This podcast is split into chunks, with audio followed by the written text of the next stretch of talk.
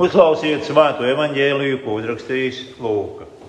Un zīmes būs uz saules, un mēnesis un zvaigznēm, un tautas uz zemes būs izmisumā un izbijušās. Kā labi jūra krāts un bango. Cilvēki pamīras no bailēm, gaidot, kas nāks pār pasauli, jo debesu spēki tiks satricināti. Un tad viņi redzēs cilvēka dēlu, padebesīs nākam varenībā un lielā godībā. Kad tas sāksies, tad izlējieties un paceliet savas galvas, jo jūsu atpestīšana tuvojas. Un viņš šiem stāstīja līdzību. Uzlūkojiet vīģes koku un citus kokus, kad tiem pumpuri sāk plaukt. Jūs paši to redzot, zināt, ka vasara ir jau tuvu. Tāpat arī jūs, kad ieraudzīsiet to notiekam, ziniet, ka Dieva valstība ir klāta. Patiesi es jums saku, šī paudze nezudīs, tiekams tas viss notiks. Debesis un zeme zudīs, bet mani vārdi nezudīs. Bet piesargieties, ka jūsu sirdis nenotrulinās, dzerot un blītējot, un dzīves rūpestos un tā diena nepārsteidz jūs pēkšņi kā slasts. Tā nāks pār visiem, kas dzīvo zemes virsū. Bet esiet nomodā, ik brīdi lūgdami, lai jūs spētu izbēgt no visa tā, kas notiks, un stāties cilvēka dēla priekšā. Āmen! Mūsu žēlsirdīgais kungs un pestītājs stāsta saviem mācekļiem un visu laiku baznīcai par to postu, kas ir saistīts ar pasaules galu. Un kādēļ viņš to dara? Varbūt tādēļ, lai šokētu savus klausītājus ar savām neparastajām zināšanām. Protams, nē. Viņš vēlas atrast mūsu sagatavotus un brīdina mūs no mīlestības pret pasauli. Viņš dara zināmas bēdas un nelaimes, kas vēstīs par beigu tūlīt. Arī tādēļ, lai viegli prātīgie piedzīvojot šos notikumus, varētu vismaz sākt domāt par gaidāmo pēdējās tiesas spriedumu. Un lai gan ne viss Jēzus sacītais mums ir saprotams, pilnīgi, tomēr ir skaidrs tas, ka viss notiks tieši tā, kā Kungs Kristus ir sacījis. Un lai mēs par to nešaubītos, viņš pat saka, debesis un zeme zudīs bet mani vārdi nezudīs. Nu, šī ir svarīga piebilde. Vai nu Jēzus ir vaiprātīgs, vai arī viņš ir Dievs, kurš sniedz mums mīlestības pilnu, žēlsirdīgu palīdzību. Pasaule mudina mūs vērtēt Jēzus vārdus pēc saviem. Tas ir pēc šīs pasaules standartiem.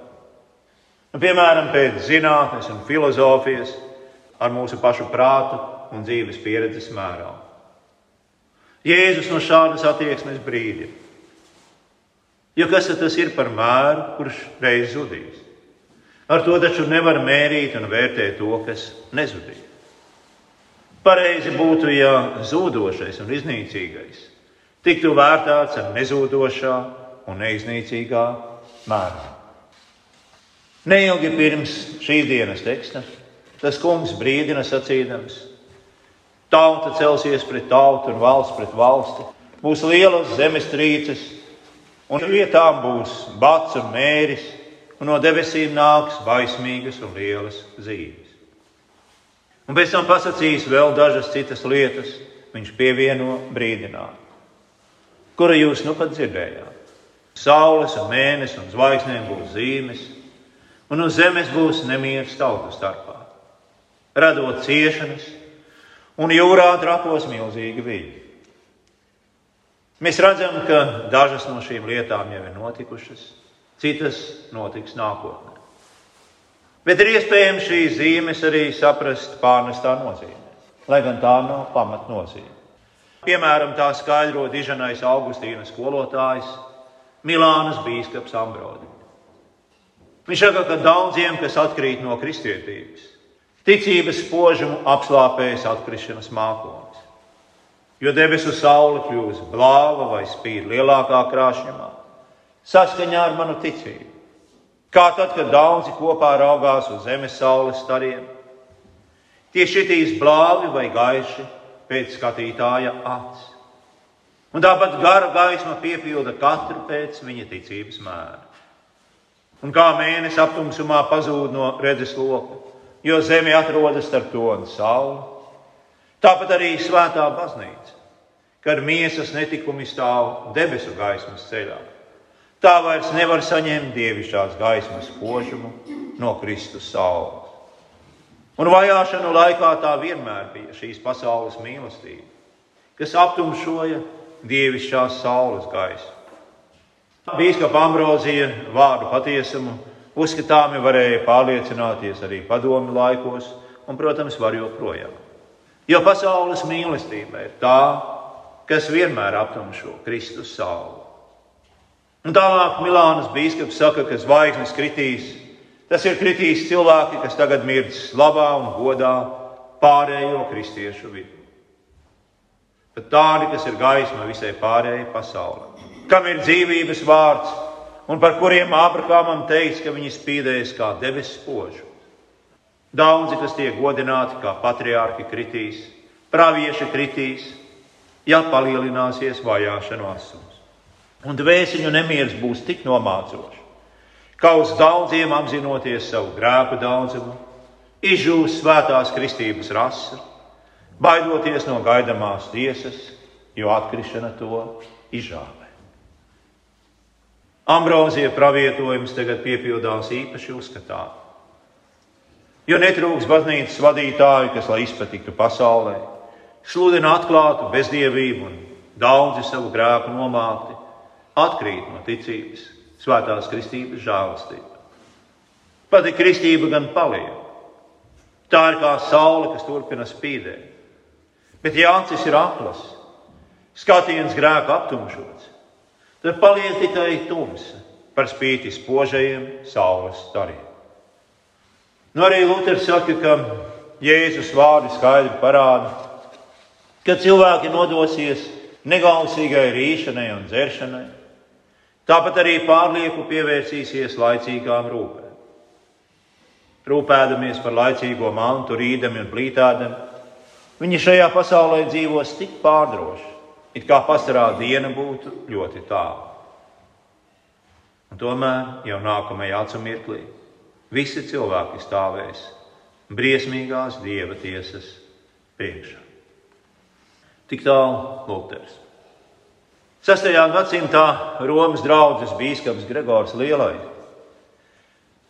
Par šīm lietām arī runā ļoti realistiski, bībeliski un skaidri. Un vēl šodien viņa sacītais šķiet aktuāls. Viņš saka, ka jau tagad mēs redzam, ka tauta sacēļas pret tautu un ciešanas valda pār zemi. Nereti esam dzirdējuši no citām pasaules daļām, ka zemestrīces ir izpostījušas pilsētas un laukus. Lai gan mēs vēl neesam skaidri redzējuši dzīves pie saules, mēneša un zvaigznēm.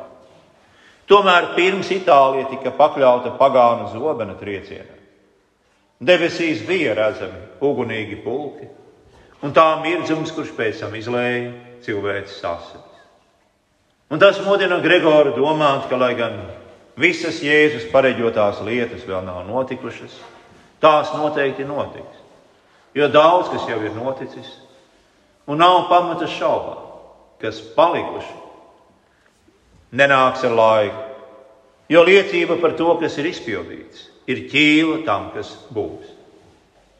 Tas netiek sacīts, lai biedētu cilvēkus, bet gan lai brīdinātu. Mēs jums to sakām, dārgie brāļi, lai jūsu dvēselēs pamostos kāri pēc drošības, un lai jūs nepadotos viltus drošībai un nekļūtu slinki kristīgās patiesības nezināšanas dēļ.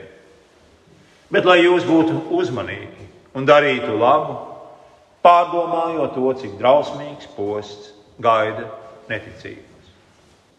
Pasakījis brīdinājumu vārdus nelaimīgajiem, kam neticība ir aptumšojusi prātu, Jēzus vēršas pie ticīgajiem, lai sacītu mierinājumu vārdus izredzētajiem. Kad ieraudzīsiet to notiekam, ziniet, ka Dieva valstība ir klāta. Tas, kurš pats ir patiesība, tas, kura vārdi nezūd nekad, iedrošina savus izredzētus. Sakot, ka pasaules ļaunums pieaug, kad bailes no tiesas liek pat vareniem trīcēt, tad paceliet savas galvas. Tas ir priecājieties savā sirdīs, jo pasauli, kuras draugi jūs nesat, tojas beigās. Galējā pestīšana, kuru jūs meklējat, tuvojas. Svētajos rakstos galva bieži tiek lietota, lai apzīmētu dvēseli. Jo kā locekļus pārvalda galva, tā dvēseles pārvalda domas. Tāpēc paceliet savas galvas. Nozīmē pacelt sirdi pret debesu tēvijas priekiem. Un tādēļ tiem, kas mīl Dievu, ir pavēlēts priecāties un līksmot pasaules galadē. Jo drīz viņi satiks viņu, kuru viņi mīl, un zudīs tas, ko viņi nekad nav mīlējuši. Romas bīskaps Gregors šeit izsaucas, lai tas ir tālu prom no mums, ka kāds no ticīgajiem, kas vēlas redzēt Dievu skumtu par piemeklēto pasauli, kurai, kā mēs zinām, ir jābeidzas ar šīm katastrofām. Ir taču rakstīts, ik viens, kas vēlas būt šīs pasaules draugs, kļūs par Dieva ienaidnieku. Ja kāds nepriecājas par tojošos pasaules galu, tas liecina, ka viņš ir tās draugs. Un tādējādi viņš atklājas kā dieva ienaidnieks. Tas lai ir tālu no ticīgajiem, tālu no to sirdīm, kas tic, ka ir cita dzīve un kuri to ļoti mīl.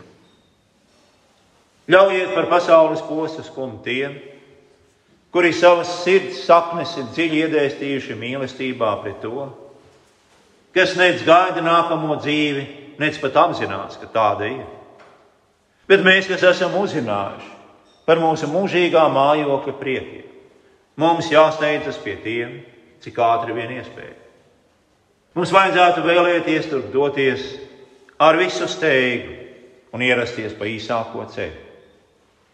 Vai tad ar visām savām nelaimēm pasaule mūs nemudina uz priekšu? Vai ir kādas bērnas, kāda nelaime, kas mūs nespiež un nedzer? Kas ir šī mirstīgā dzīve, ja ne ceļš? Un cik gan muļķīgi tas būtu, ja kāds domātu par nogurumu no ceļa un tomēr nevēlētos pabeigt ceļojumu. Bez šaubām kādam varētu šķist, ka Gregors un līdzīgi cilvēki ir labākajā gadījumā fanātiķi, Bet, ja kāds tā domā, tad pavaicājiet kaut vai fizikiem, kas sagaida šo universu. Mums jāzina arī, ka problēma ar pasaules mīlestību neslēpjas pašā pasaulē. Tā slēpjas mūsos. Pasaule ir dota, lai mēs to lietotu. Bet Dievs un tuvākais mums ir, lai mēs viņus mīlētu. Iedzimtais grēks spiež mūs mīlēt pašiem sevi un pasauli un mēģināt lietot, jeb izmantot dievu un citus cilvēkus. Un tas ir briesmīgs posts, un Dievs labi pazīst mūsu dabu.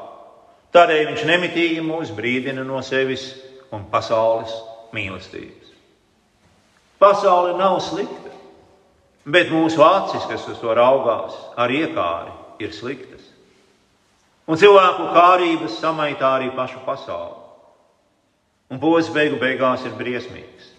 Mēs samaitājam pasauli, un pasaule samaitā mūs. Kaut ko no tā varam spriest arī no Kristus līdzības par vīģes koku. Tas ir it kā tā, viņš, kā viņš atklāti teiktu, kā no pumpuriem koku zaros jūs zināt, ka vasara ir tuvu. Tā no pasaules posta jūs zināt, ka arī Dieva valstība ir tuvu. Un no tā patiesi var secināt, ka pasaules auglis ir posts. Gregors saka, ka pasaules auglis rodas, lai varētu nokrist. Šim nolūkam tas dīkst, lai viss, ko tas ir iznesis no sēklām, ietu bojā katastrofā. Turpretī prieku dod dieva valstības salīdzinājums ar vasaru. Jo tad mūsu skumja mākoņi pazudīs, un mūsu dzīves dienas mirdzēs mūžīgās saules godībā. Tad mūsu kungs Kristus un baznīcas tēvi mūs sargā no viegli prātīgās koķetēšanas ar pasauli un brīdina mūs no muļķīgām iedomām. Tad, kad mēs redzam, ka dzīve šajā pasaulē ir slikta un problemātiska, mēs izmisīgi visiem spēkiem ķepurojamies un mēģinām panākt to gan visi kopā, gan katrs atsevišķi, lai izlabotu kaut ko šajā pasaulē un ka, lai lietas atgrieztos tā saucamajā normālajā stāvoklī. Bet normālais stāvoklis nav pasaulē labs. Normālais stāvoklis ir nemitīgas nepatikšanas. Kāri, epidēmijas, sēgas, posms un vispārējais, ar ko mēs sadurāmies ikdienā. Tas ir pasaules normālais stāvoklis. Un tas ir tas, ko mums šodien saka Kristus, un tas ir tas, ko mums saka Baznīcas tēvs. Un tas viss tiek apstiprināts ar tādu varenu ķīlu, ka tiek pievienots teikums, kurā Jēzus saka, patiesi es jums saku, šī paudze nezudīs, kamēr viss piepildīs. Debesis un zeme pazudīs, mani vārdi nezudīs. Tas ir tā, it kā viņš atklāti teiktu, viss, kas tev šķiet izturīgs un nemainīgs, nav izturīgs un nemainīgs. Bet viss, kas šķiet zūd, ir izturīgs un nemainīgs. Jo Jēzus vārdi ir vārdi, kas ir kā pārējie, bet tie pauž domas, kas paliek mūžīgi. Tagad mums jau vajadzētu kaut ko vairāk saprast no Kristus sacītā. Pasauli nomāca jaunas un ar vienu pieaugušas nelaimes. Mēs dzīvojam kara laikā, mēs nemitīgi dzirdām, ar vienu atkārtojamies atomu draudu retoriku. Mēs redzam, ka pandēmija arī nekur pilnībā nav pazudusi. Kādēļ tas viss notiek? Tas notiek tādēļ, ka mēs esam pasauli samaitājuši. Es domāju, mēs cilvēki.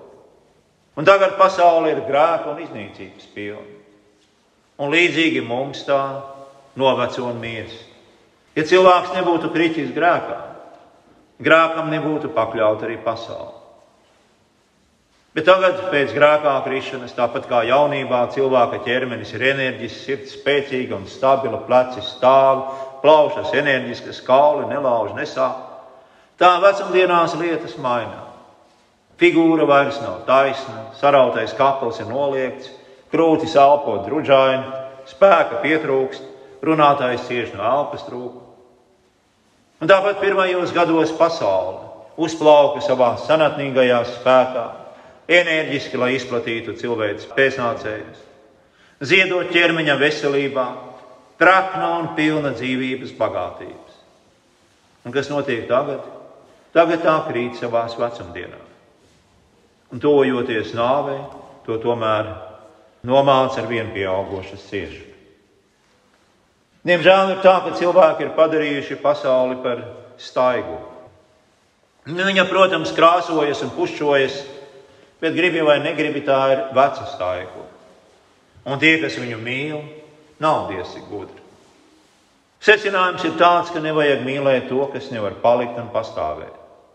Un paturiet prātā apustuliskos padomus, kuros mēs tiekam pamācīti. Nemīlēt pasauli, nec to, kas ir pasaulē. Ja kāds mīl pasauli, viņā nav tēva mīlestības. Katru dienu pasaule piedzīvo ar vien jaunas nelaimes un kataklizmas. Un tas ir Dieva sots. Šis sots pasauli piemeklē nevis viņas pašas, bet mūsu dēļ. Un arī pati dabas pasaule bēdājas un nopūšas, ka tai ir jākalpo tādiem neliešiem kā mums, kas to pavedina un samaita. No tās soda, kas piemeklē pasauli, varam spriest to, ko esam pelnījuši paši. Mēs tik daudz runājam par dabas piesārņotību. Tā stāsta, cik piesārņoti esam mēs paši. Pašreiz pasaule ar piemeklējumiem soda neredzams tiesnesis. Bet kas notiks tad, kad tiesnesis parādīsies redzams? Un kad viņa dusmas ar uguni vērsīsies pret ļaunajiem? Ja mēs jau tagad nevaram izturēt viņa dusmas, kad viņš vēršas pret mums. Vēstules ebrejiem autors, pārdomājot gaidāmā soda smagumu, mums saka, briesmīgi ir krist dzīvā dieva rokā. Tam piebalso dziesminieki psalmā nāk mūsu dievs un neklusē. Viņam pa priekšu iet rījoša uguns, viņam visapkārt stipra vētra. Tad dievs nāks atklāt. Viņš neklusēs un vētra un uguns pavadīs dieva taisnības bardzību. Tā nav reliģiski, mitoloģiska valoda vai simboliska valoda, bet svētie raksti uz mums runā par šīm lietām kā daudz reālāku par to, ko mēs redzam ar savām acīm. Tādēļ paturiet šo dienu savu acu priekšā. Domājiet par to. Tā kunga diena ir tuvu. Tā ir tuvu un tā ir ļoti ātra. Tā kunga dienas balss, saka, pravietis ir rūkta. Varenos tur sagaida bēdas. Šī diena ir dusmu diena, bēdu un piemeklējuma diena, nelaimes un posta diena, tumsas un neskaidrības diena, mākoņu un viesuļu diena, taures un trauksmes diena. Ko lai sakām par šausmām, kuras mēs jau tagad redzam? Izņemot to, ka tās ir tikai gaidāmo dusmu vēstneši. Tie tikai vēl ziedi, augļus mēs redzēsim. Pārdomājiet šo dienu ar visu savu prātu un izlabojiet to, kas ir tagad nepareizs jūsu pašreizējā dzīvē. Mainiet savus ceļus, pārvariet ļaunos kārdinājumus, stingri nostājoties pretī. Ar asarām nožēlojiet grēkus, kurus esat darījuši. Tas ir vajadzīgs miesas un ļaunās sirdsprāta savaldīšana. Lai pasaules mīlestības uguns nenožāvētu svētās kristības piedzinošo rasu. Un mēs mierīgi un prieka pilni varētu paceltām galvām sagaidīt mūžīgā soļa atnākšanu. Un to mēs varēsim tikai tērpti viņa paša žēlastības pilnajā taisnībā, kura viņš mums ir piešķīris bez maksas un jau kādiem nopelniem no mūsu puses. To mēs varam tikai nemitīgi saņemot piedošanu viņa vārdā un žēlastības līdzekļos, vakarēdienā, absolūcijā, dzīvojot svētās kristības sniegtajā žēlastībā. Un par to ārkārtīgo laipnību, ka pēc sava mūžīgā nodoma Dievs ir mūs izredzējis mūžīgai dzīvošanai un paglābis no tās soda, kas gaida šo pasauli un neticības. Par to mūsu mīļajam kungam Jēzum, viņa tēvam un svētajam garam ir mūžīgs gods, slava un pateicība. Un mūsu sirdī miers un prieks, ka mēs varam būt droši, ka visa posta un visa ļaunuma priekšā, kas ir jāredz šajā pasaulē, mēs redzam, ka tās ir zīmes, ar kurām nevis ir izmisīgi jācīnās, bet tās ir zīmes tam, ka mūsu kungs ar vien straujāk un straujāk tuvojas. Tam arī ir domāts adventa laiks, lai mēs šajā laikā vienmēr pārdomātu savu kunga atnākšanu, otru atnākšanu. Atnākšanu, lai tiesātu šo pasauli. Bet mēs, kā mēs zinām no rakstiem, vairs netiksim tiesāti.